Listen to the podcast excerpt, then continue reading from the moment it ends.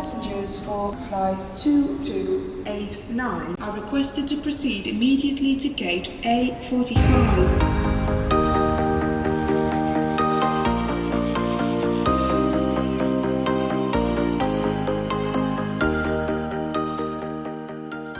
Hey allemaal, welkom bij een gloednieuwe Reis te Brei podcast. Het is opnieuw zondag en dat wil natuurlijk zeggen dat er weer een gloednieuwe podcast is waar jij naar kan luisteren vandaag.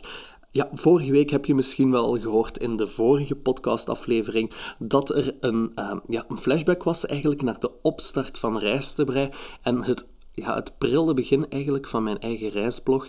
En uh, ja, omdat we nog altijd in ons kot zitten natuurlijk en de grenzen nog niet geopend zijn, we kunnen nog niet naar het buitenland. En ik begon reizen eigenlijk een beetje te missen. En uh, ja, van daaruit ben ik eigenlijk begonnen met uh, een flashback langs al mijn reizen en langs alle mooie momenten. En uh, de komende weken krijg je dus nog elke week een gloednieuwe podcast met eigenlijk een flashback naar de mooiste reis te momenten. En uh, ja, vorige week hadden we het over 2016, het prille begin van de blog. En uh, ja, van daaruit gaan we daar vandaag natuurlijk uh, op verder in deze aflevering in het jaar 2017. En 2017 was effectief een jaar waar Rijstenbrei toch wel een doorgroei maakte.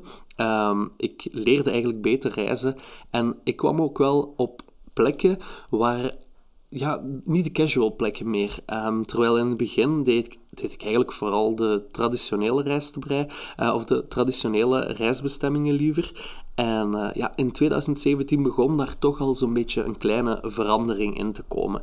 En ik liet het eigenlijk niet te lang wachten om uh, op reis te vertrekken, want in begin 2017, ik denk dat het net twee, drie dagen na nieuwjaar was, stapte ik al meteen terug op het vliegtuig naar uh, Duitsland. En ik ging naar Berlijn. Nu, um, ja, het was eigenlijk zo de eerste reiservaring die ik had, waar uh, mijn vlucht toch wel uh, enorme vertraging had. Normaal gezien ging ik ergens ja, op vrijdagavond, denk ik, vertrekken. En ja, wat bleek nu? De vlucht had zoveel vertraging dat ik eigenlijk pas ja, rond 1 uur middernacht, uh, rond 1 uur s'nachts liever, uh, toekwam in Berlijn. Wat eigenlijk wel voor een probleem zorgde, want in Berlijn heb je twee verschillende luchthavens. En natuurlijk ja, vloog Ryanair op de luchthaven die het verste van het stad lag. Dus er waren geen bussen meer, er was geen trein meer. Dus dat was op zich wel een probleem. Al was het voor mij wel meteen een uitdaging om dan andere mensen aan te spreken, om toch maar ja, een taxi te kunnen sharen naar de stad. En op zich, dat was gelukt. En het is dan ook wel altijd fijn om op zo'n moment, wat eigenlijk een beetje een, ja, een crisismomentje is aan het begin van, van uw vakantie, um, om dan toch samen met andere mensen die je in eerste instantie niet kent, toch een oplossing te vinden om dan toch uh, ja, natuurlijk uw begin van uw reis uh, helemaal goed te maken. En ja, Berlijn was eigenlijk een fantastisch begin voor 2017.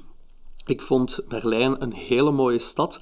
Het was echt putteke winter en dat zorgde er eigenlijk voor dat mijn beleving van Berlijn Um, toch nog een specialere vorm kreeg. Ik wandelde door de stad, het was aan het sneeuwen, het was ijs, ijskoud. En ja, natuurlijk komt je in Berlijn, want het is ook een stad met geschiedenis, komt je op heel wat plekken um, die toch wel een ruw kantje hebben. Denk maar aan dat plein met al die betonnen blokken. Um, dat is het plein um, met eigenlijk een memorial voor de Holocaust. En dat is zo imposant om te zien. En ja, dat heeft zo'n ijs-ijskoud gevoel dat je daar krijgt als je daar loopt. En ja, dat maakt het toch wel een beetje uh, heel speciaal. Um, natuurlijk, ja, Berlijn is verder ook een hele diverse stad. Je hebt daar heel veel vegan food, street food.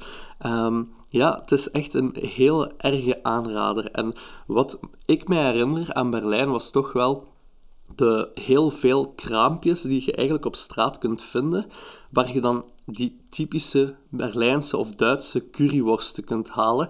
En je zou denken van ja, die worsten, maar toch het is misschien heel basic, maar langs de andere kant is het ook wel heel fijn om zo het lokale eten te gaan uh, uitproberen. En ja, in Duitsland is dat natuurlijk uh, een van de traditionele, niet te missen dingen die je echt wel moet proberen als je in Duitsland bent. En dan ja, verder, ehm, verder vind ik natuurlijk ook nog een heel bijzonder plekje in Berlijn. Het Tempelhof, dat was eigenlijk een vroegere luchthaven. Die is, um, denk een tiental of misschien twintig jaar geleden gesloten. Wat nu eigenlijk een heel groot domein geworden is, waar je dus gewoon in de zomer rustig kunt gaan zitten met vrienden, rustig kunt picknicken. Um, en ja, verder biedt dat terrein ook heel wat mogelijkheden. En ik denk dat ik daar was toen dat het er ongelooflijk hard gesneeuwd had. En dat was zo'n heel groot vlakte eigenlijk, een heel grote vlakte liever, um, vol met sneeuw. En toch, keiveel mensen liepen daar rond en keiveel mensen waren daar zo ja, in de sneeuw bezig. En ja, ik vond dat wel uh, ik vond dat een heel, heel fijne start van, uh, van 2017. Nu, na Berlijn uh, ging ik eigenlijk ehm, niet zo heel lang daarna meteen naar de UK. En ja, ik ging opnieuw naar een stad waar ik vroeger wel al eens geweest was. En ja, voor de blog was dat toch wel een hele andere beleving. Dus ik stapte de Eurostar op en ik ging casual naar Londen. En Londen was voor mij een stad waar ik wel al goede herinneringen aan had. Maar ja, Londen is voor een travelblogger natuurlijk eh, ja, het paradijs op aarde. Omdat dat zo'n verschillende stad is en je hebt daar zoveel om te beleven, zoveel om te doen. Heel wat leuke buurten, echt heel verschillend ook. En ja, het contrast bijvoorbeeld tussen Brick Lane. Brick Lane is zo'n soort van alternatievere buurt met heel veel street art en zo. En het uh, Notting Hill, dat is zo de hele classy buurt met zo van die mooie geschilderde huisjes. Je kent het waarschijnlijk uit de film. En ja, dat vind ik gewoon heel uh, boeiend. En dat was ook eh, een van de reizen die mij het meeste zal bijblijven. Want ja, Londen, het is druk in het stadscentrum, maar je moet proberen als je daar naartoe gaat om ook die traditionelere zaken misschien een beetje meer aan de kant te schuiven. En dan kan Londen u zeker en vast uh, verrassen. En wat je nog sowieso moet doen in Londen. Ik had het vroeger nog niet gedaan, maar tijdens, tijdens mijn trip uh, voor de blog ben ik er natuurlijk wel naar op zoek gegaan. Dat is eigenlijk om een uh, hele fijne musical te gaan bekijken. Want ja, Londen, dat is natuurlijk ja, een van de walhallas op deze wereld als het over musical gaat. En daar ben ik dus uh, naar de musical Dreamgirls gaan kijken, die je wel kan kennen van de film met Beyoncé. Maar ondertussen is die productie natuurlijk al gestopt, want ja, we zijn al drie jaar verder. En uh, ja, ondertussen spelen er al andere, nieuwere producties. Maar die musical, die was echt, echt goed. En dat, ik, ik had dan niet gedacht dat een musical zo goed kon zijn. Ik had de film ook nog nooit op voorhand gezien, dus ik had niks om ernaast te leggen, om mee te beginnen vergelijken. Maar die acteurs van die musical, dat is toch echt wel uh, next level wat dat zij kunnen doen qua performance, qua zang, qua, qua acteren. En wat ik ook heel boeiend vond, was dat de cast eigenlijk 95% zwart was. En dat toont nog eens aan dat mensen, um, ja, dat, dat mensen dat, echt in hun kunnen hebben, die, die passie en die performances. En dat vond ik echt heel, heel wonderbaarlijk. En nog iets fijn om te weten misschien, is dat uh, musical tickets in Londen over het algemeen echt wel vrij duur kunnen zijn. Nu, er bestaan eigenlijk verschillende manieren om toch wel tickets te kunnen kopen aan goedkopere prijzen. En zo had ik natuurlijk ook, ik was beginnen googlen en ik was beginnen zoeken. En als puntje bij paaltje kwam, ben ik naar Dreamgirls gaan kijken voor 25 pond. Dat is zoiets tussen de 25 en 30 euro, terwijl ik eigenlijk plekken had van meer dan 100 pond, dus van meer dan 100 euro.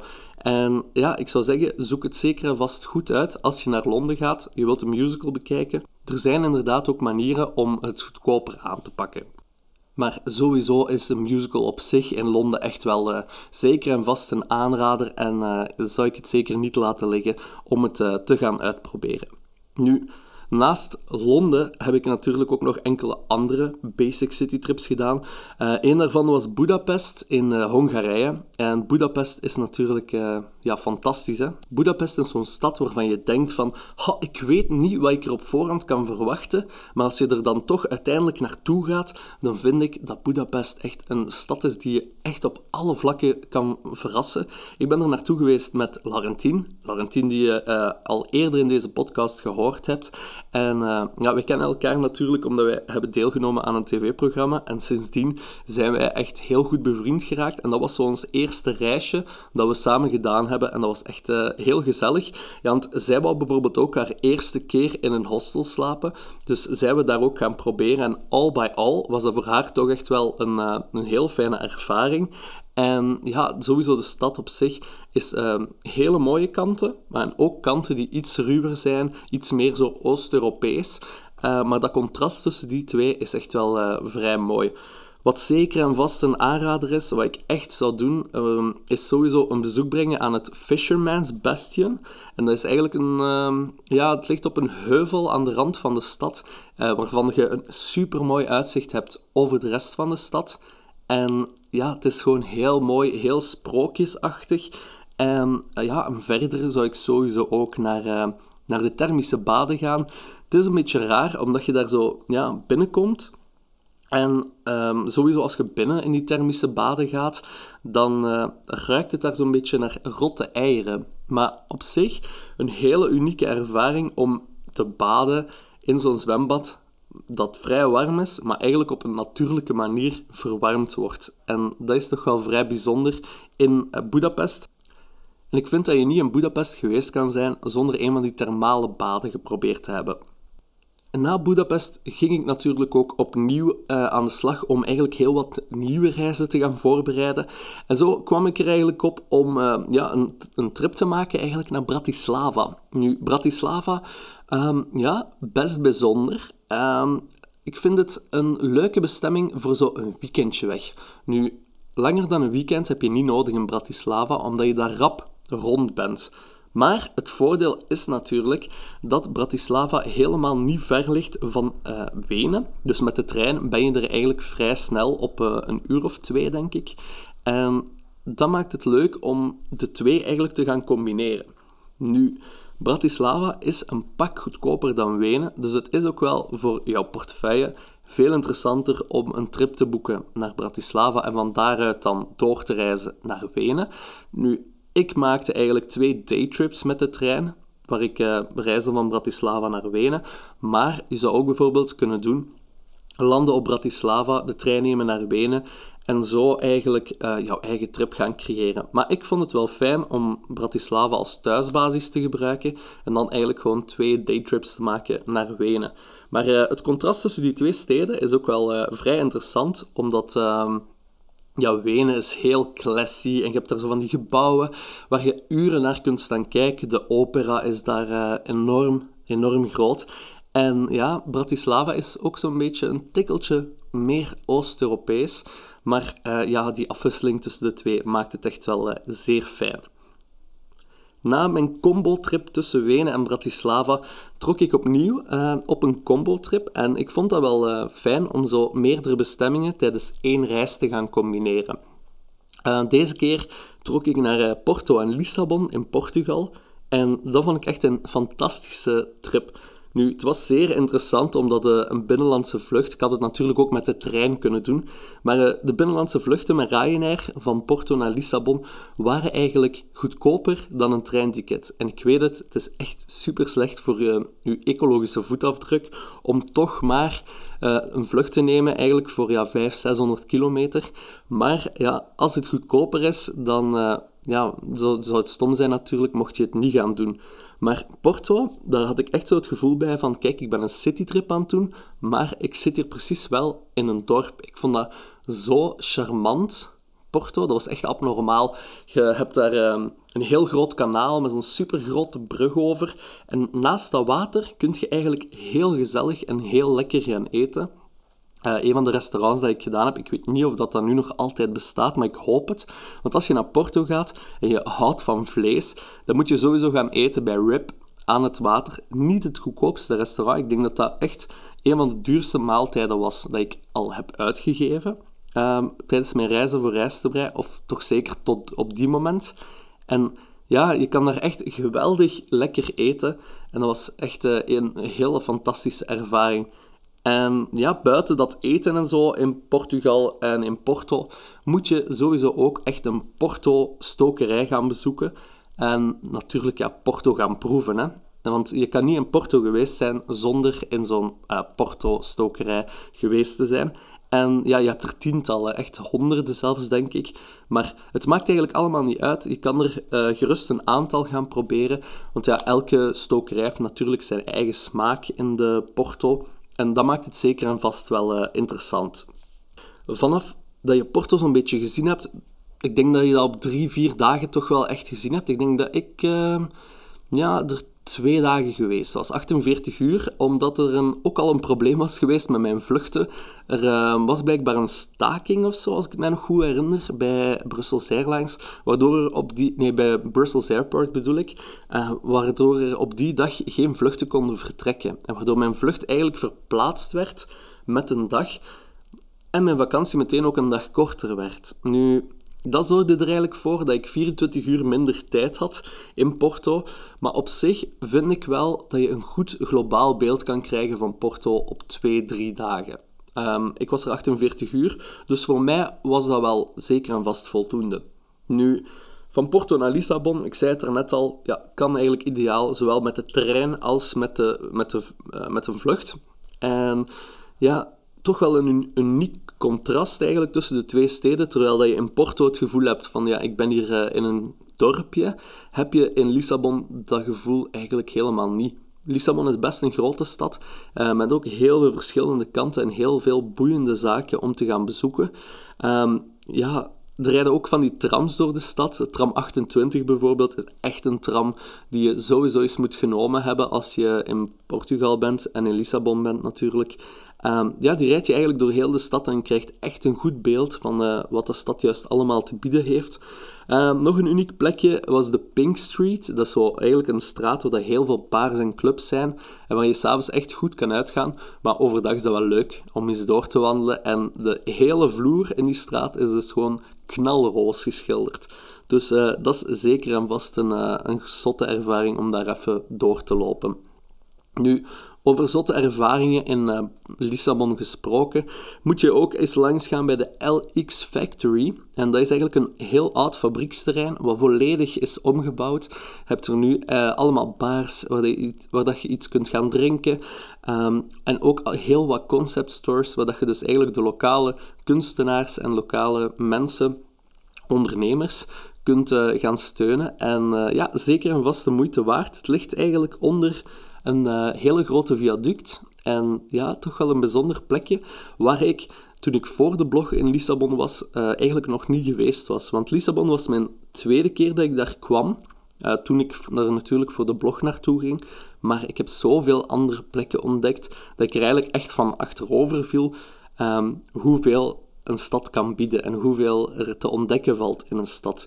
En ik denk dat dat ook wel een beetje kwam omdat ik echt in een heel, heel goed hostel terecht was gekomen met heel fijne mensen. En dat dat eigenlijk ook wel die reisbeleving toch wel een beetje gestimuleerd heeft. En dat dat toch wel ervoor zorgt of dat je reis al dan niet geslaagd is. Um, ik sliep in Lissabon in het Lost in Lisbon hostel. Dat was eigenlijk een, een heel mooi en een heel fijn hostel. En ik herinner het mij nog goed. Um, dat er eigenlijk zo een Portugese chef kwam koken s'avonds. En waar dat je dus eigenlijk samen met de mensen die ook in je hostel slapen, een soort van Portugees avondmaal had. En dat is wel fijn om zo wat mensen te leren kennen. En de dag erna gingen we samen op daytrip naar Sintra. Dat is eigenlijk een soort van stad vlakbij uh, Portugal, uh, vlakbij Lissabon liever. En ja, dat was gewoon een hele fijne dag. Um, je leert andere mensen kennen, je voelt je niet alleen. En ja, je komt op plaatsen waar je misschien zelf niet zou komen zonder uh, een busje of zonder vervoer. Dus wij zijn daar bijvoorbeeld ja, rotsen gaan bezoeken. We zijn op het meest westelijke punt van het Europese vasteland geweest. En uh, ja, dat zorgt gewoon voor hele, hele mooie ervaringen. En uh, zeker bij dat hostel, ik heb al echt al in heel wat hostels geslapen, maar dat hostel is toch wel uh, een hostel dat zeker is blijven qua ervaring en uh, ja, hele mooie momenten aan. En ja, het grappige of het unieke eigenlijk aan die trip was toch wel dat ik ben begonnen met uh, vloggen tijdens die reis. Um, ja, de eerste vlog van rijstebrei is daar gemaakt. Omdat ik eigenlijk ook al een beetje zo wat leren hoe werkt mijn camera en... Um, ja, het was ook gewoon de eerste reis waar ik mijn, uh, mijn eerste camera voor gebruikte. De trips daarvoor waren eigenlijk allemaal mijn foto's genomen met mijn iPhone.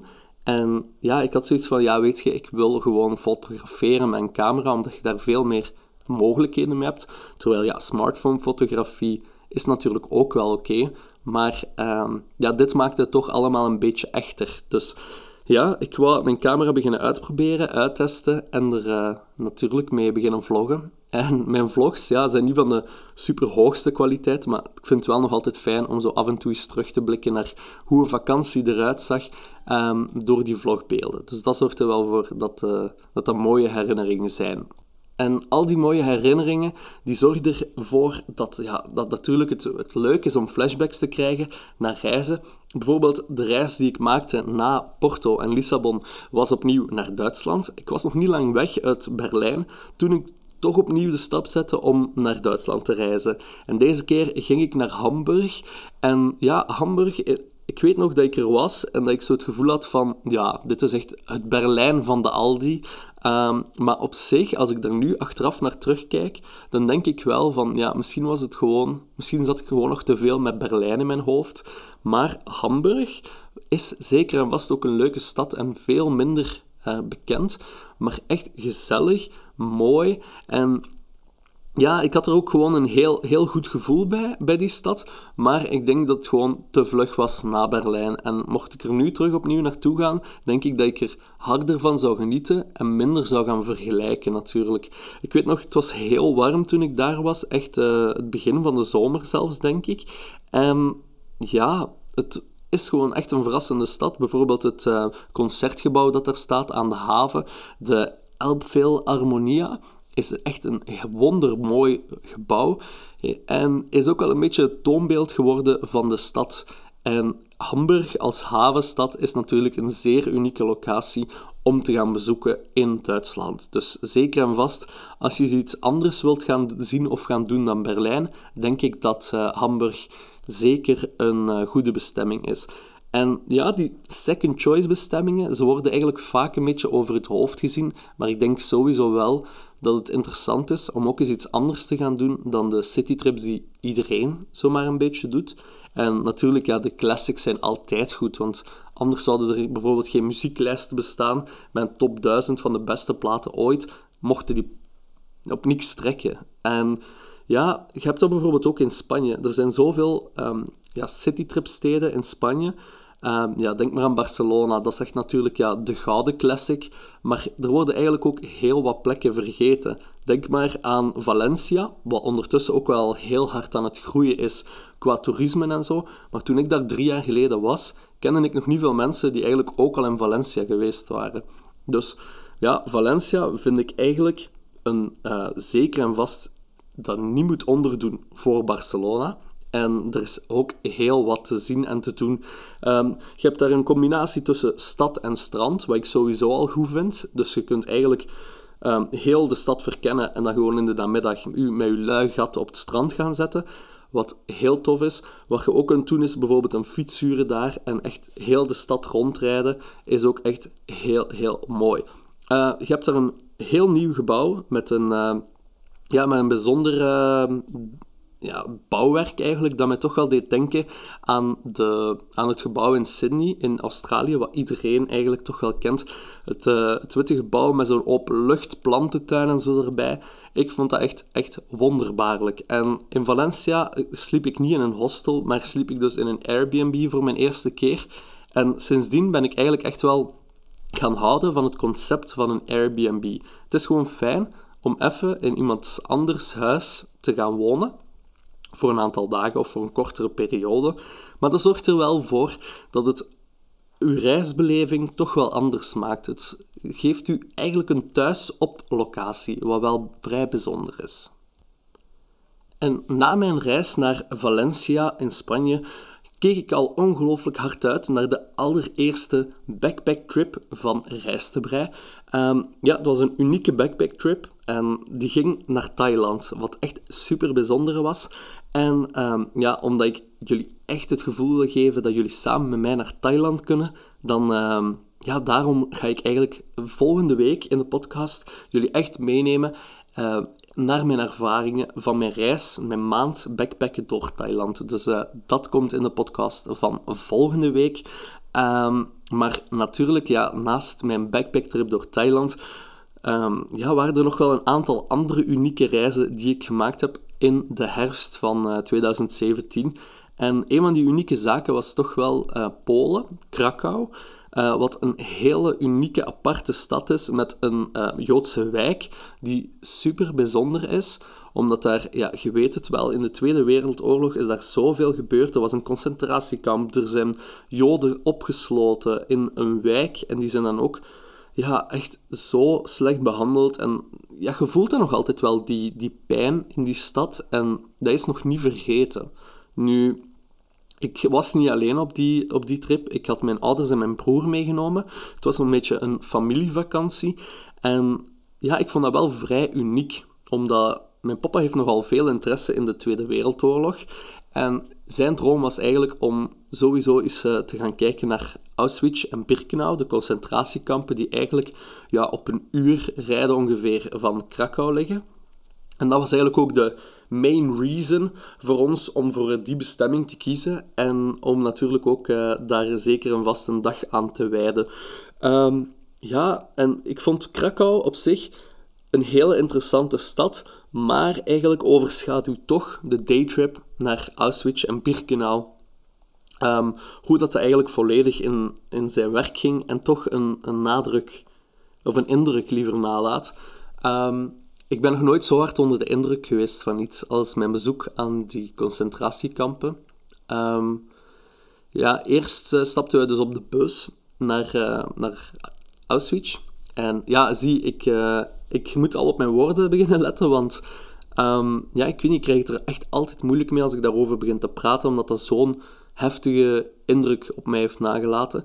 En ja, we kwamen daartoe een gids, wat zeker en vast interessant is, want je hebt eigenlijk de mogelijkheid om ook Auschwitz en Birkenau alleen te gaan bezoeken. Maar natuurlijk, een gids is dat veel interessanter, omdat je dan ook al die heftige verhalen gaat horen. En ja, dat is toch wel vrij uniek. Omdat ik denk, als je dat niet zou doen, dan mist je eigenlijk een heel groot deel van de verhalen die je daar toch misschien niet hoort. En het voordeel is ook, als je met een groep bent, moet je niet staan wachten in de rijen, maar krijg je eigenlijk zo'n beetje voorrang. En dan uh, kun je eigenlijk ook sneller, uh, sneller beginnen aan je bezoek aan het concentratiekamp. En ja, ik was nog nooit in een concentratiekamp geweest, thanks God. Um, maar ja, het zorgde echt voor zo'n ervaring. Ik heb echt mijn ogen staan uitkijken um, op dingen die zoveel indruk maakten. Er was bijvoorbeeld een kamer en ik vond dat ook heel goed dat er daar een verbod was op, om foto's van te nemen. Maar je hebt zo'n hele muur met eigenlijk 10 meter glas. En daarachter lag echt een berg afgeschoren vrouwenhaar. En ik vond dat zo indrukwekkend, um, omdat vroeger de vrouwen die werden in de gaskamer uh, gestopt, die werden vermoord. En als zij dan dood waren, scheerden ze de vrouwen hun haar af. En dat haar werd dus eigenlijk gebruikt om, om tapijten van te maken. En uh, ja, ik kon daar gewoon niet bij hoe dat je zoiets kunt doen, hoe dat je mensen kunt vermoorden, hoe dat je... Uh, ja, nee, ik vind dat... Dat heeft echt een diepe indruk op mij achtergelaten. En dan zie je inderdaad allemaal foto's. Um, je ziet dan ook van die uniformen hangen, uh, dat mensen daar moesten dragen. En um, ja, al die kamertjes waar ze eigenlijk met veel te veel mensen zaten opgesloten. En ja, het is, voor mij was het echt wel duidelijk dat mensen daar geen welzijn hadden. Het is niet van, oké, mensen in dat concentratiekamp, hun, welzijn is beperkt. Nee, het is echt van, daar was gewoon geen welzijn. Er zijn heel wat mensen gestorven in die gaskamers, waar dat je dus ook inderdaad doorloopt. En dat vond ik raar. Um, om gewoon op een locatie te komen waar dat mensen dat je weet dat duizenden mensen zijn gestorven en jij daar staat, um, dat maakt zo'n diepe indruk. Maar echt, um, ja, het is niet evident. En na mijn bezoek aan, uh, aan Auschwitz gingen we dan ook verder rijden naar Birkenau. Nu, het grote verschil eigenlijk tussen Auschwitz en Birkenau is dat Birkenau het tweede kamp was en dat daar gewoon de trein naartoe reed. En na het einde van de Tweede Wereldoorlog hadden ze zoiets van: oké, het is allemaal voorbij. We moeten gewoon beslissen om alles plat te gooien, er niet meer aan te denken. Totdat ze dan uiteindelijk zich realiseerden dat mensen wel nood hadden aan een memorial uh, plaats en dat er eigenlijk uh, heel wat beslist werd om dat terug op te bouwen.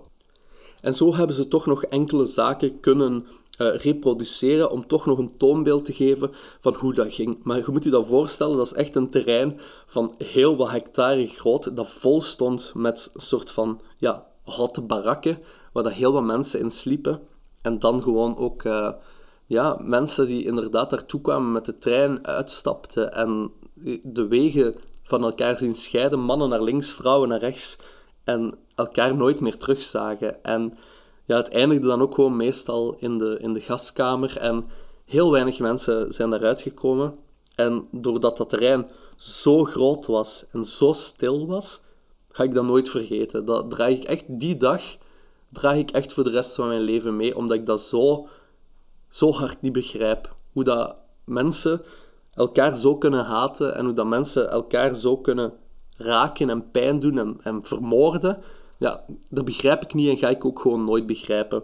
En van daaruit was ik ook blij dat ik uh, die dagtrip op het einde van mijn reis heb gedaan. Omdat ik denk, als je dat in het begin doet en je zit daar ook zo'n beetje gevoelig aan en je blijft daarmee mee, mee in je kop zitten, wat je er allemaal ziet, dan denk ik dat dat je reis toch wel een beetje overschaduwt. En ja, all by all is Krakau echt wel een hele mooie bestemming en kun je daar ook wel genoeg positieve vibes uithalen om toch ja, dat zwarte kantje van die concentratiekampen uh, toch een beetje te gaan vergeten. Uh, er zijn ook hele prachtige zoutmijnen in de buurt van Krakau, dus als je daar even je gedachten mee wilt verlichten, dat kan zeker. Het is een hele mooie ervaring, ook die zoutmijnen.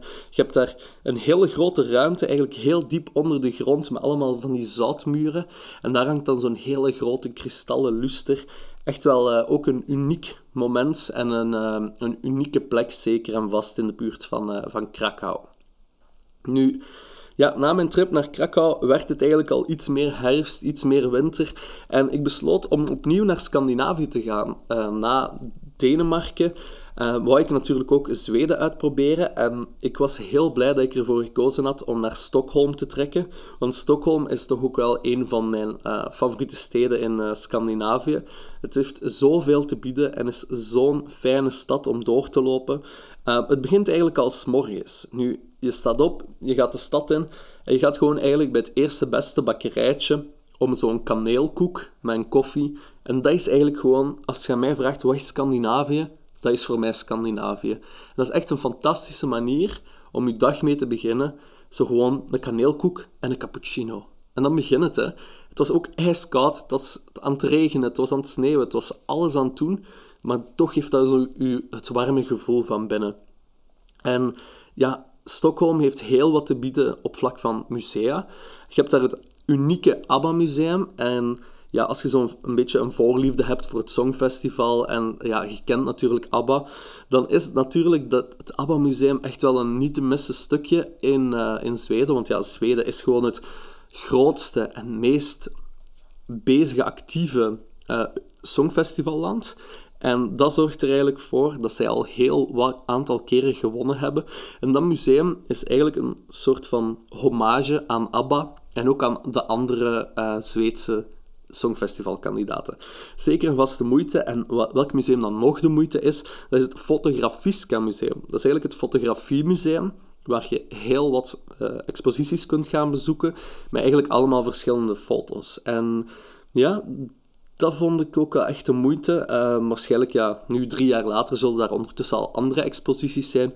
Maar ik weet nog dat ik uh, bijvoorbeeld een expositie heb gezien over uh, vluchtelingen en kinderen um, in hele barre situaties. En die foto's die hebben toch ook wel een ferme indruk nagelaten.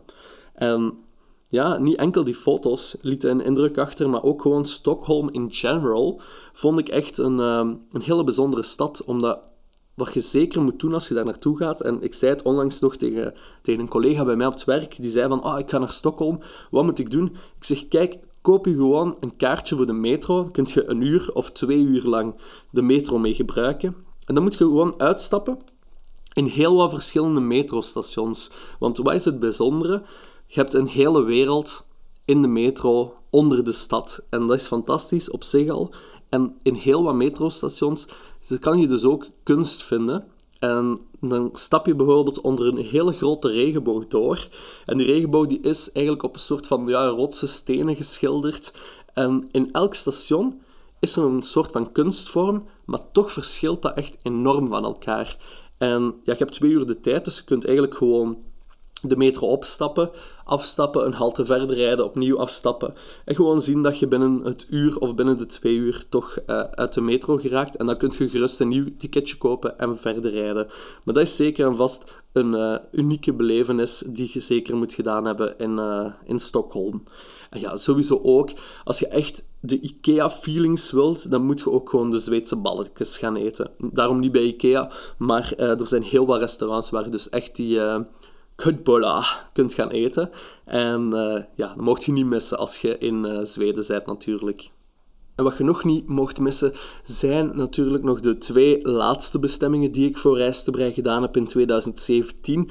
Eén daarvan was toch wel het bijzondere Manchester. En Manchester, dat is een typisch Britse stad. En ja, het was eigenlijk wel heel aangenaam om daar naartoe te gaan, want ja, de kerstperiode kwam er al opnieuw aan. Dus er was heel wat kerstsfeer in de stad. Denk maar aan de, de kerstmarkten, die ook wel in Manchester echt een heel unieke belevenis zijn, omdat dat ja, toch wel zorgt voor een speciaal gevoel. En het is ook heel fijn om allemaal op verschillende pleinen en plaatsen ja, langs al die kraampjes te kunnen lopen en daarom niet gewoon alles te proberen, maar toch gewoon echt zo die kerstfeelings toch wel echt op te doen. Um, ja, wat ik nog bijzonder vond aan Manchester was eigenlijk het Northern Quarter.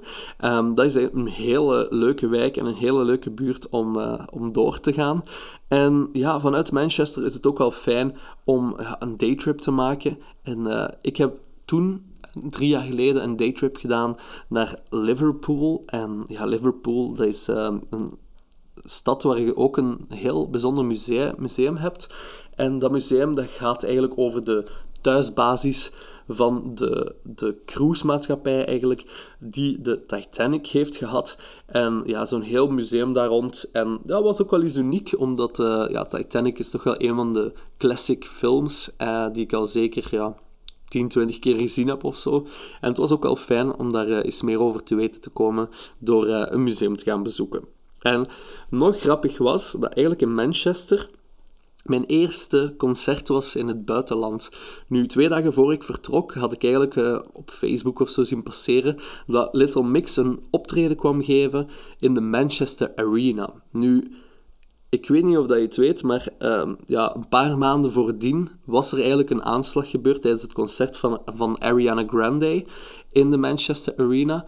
Dus uh, het was ook zo'n beetje een bijzondere locatie, vond ik toch wel, om te zien ook hoe dat mensen, hoe dat Britten daarmee omgaan. Eigenlijk een plek waar er toch zoveel slachtoffers zijn gevallen, uh, om dat toch te zien herleven en toch de mogelijkheden te zien van kijk, ja, het leven gaat verder en muziek zal wel de pijn verzachten.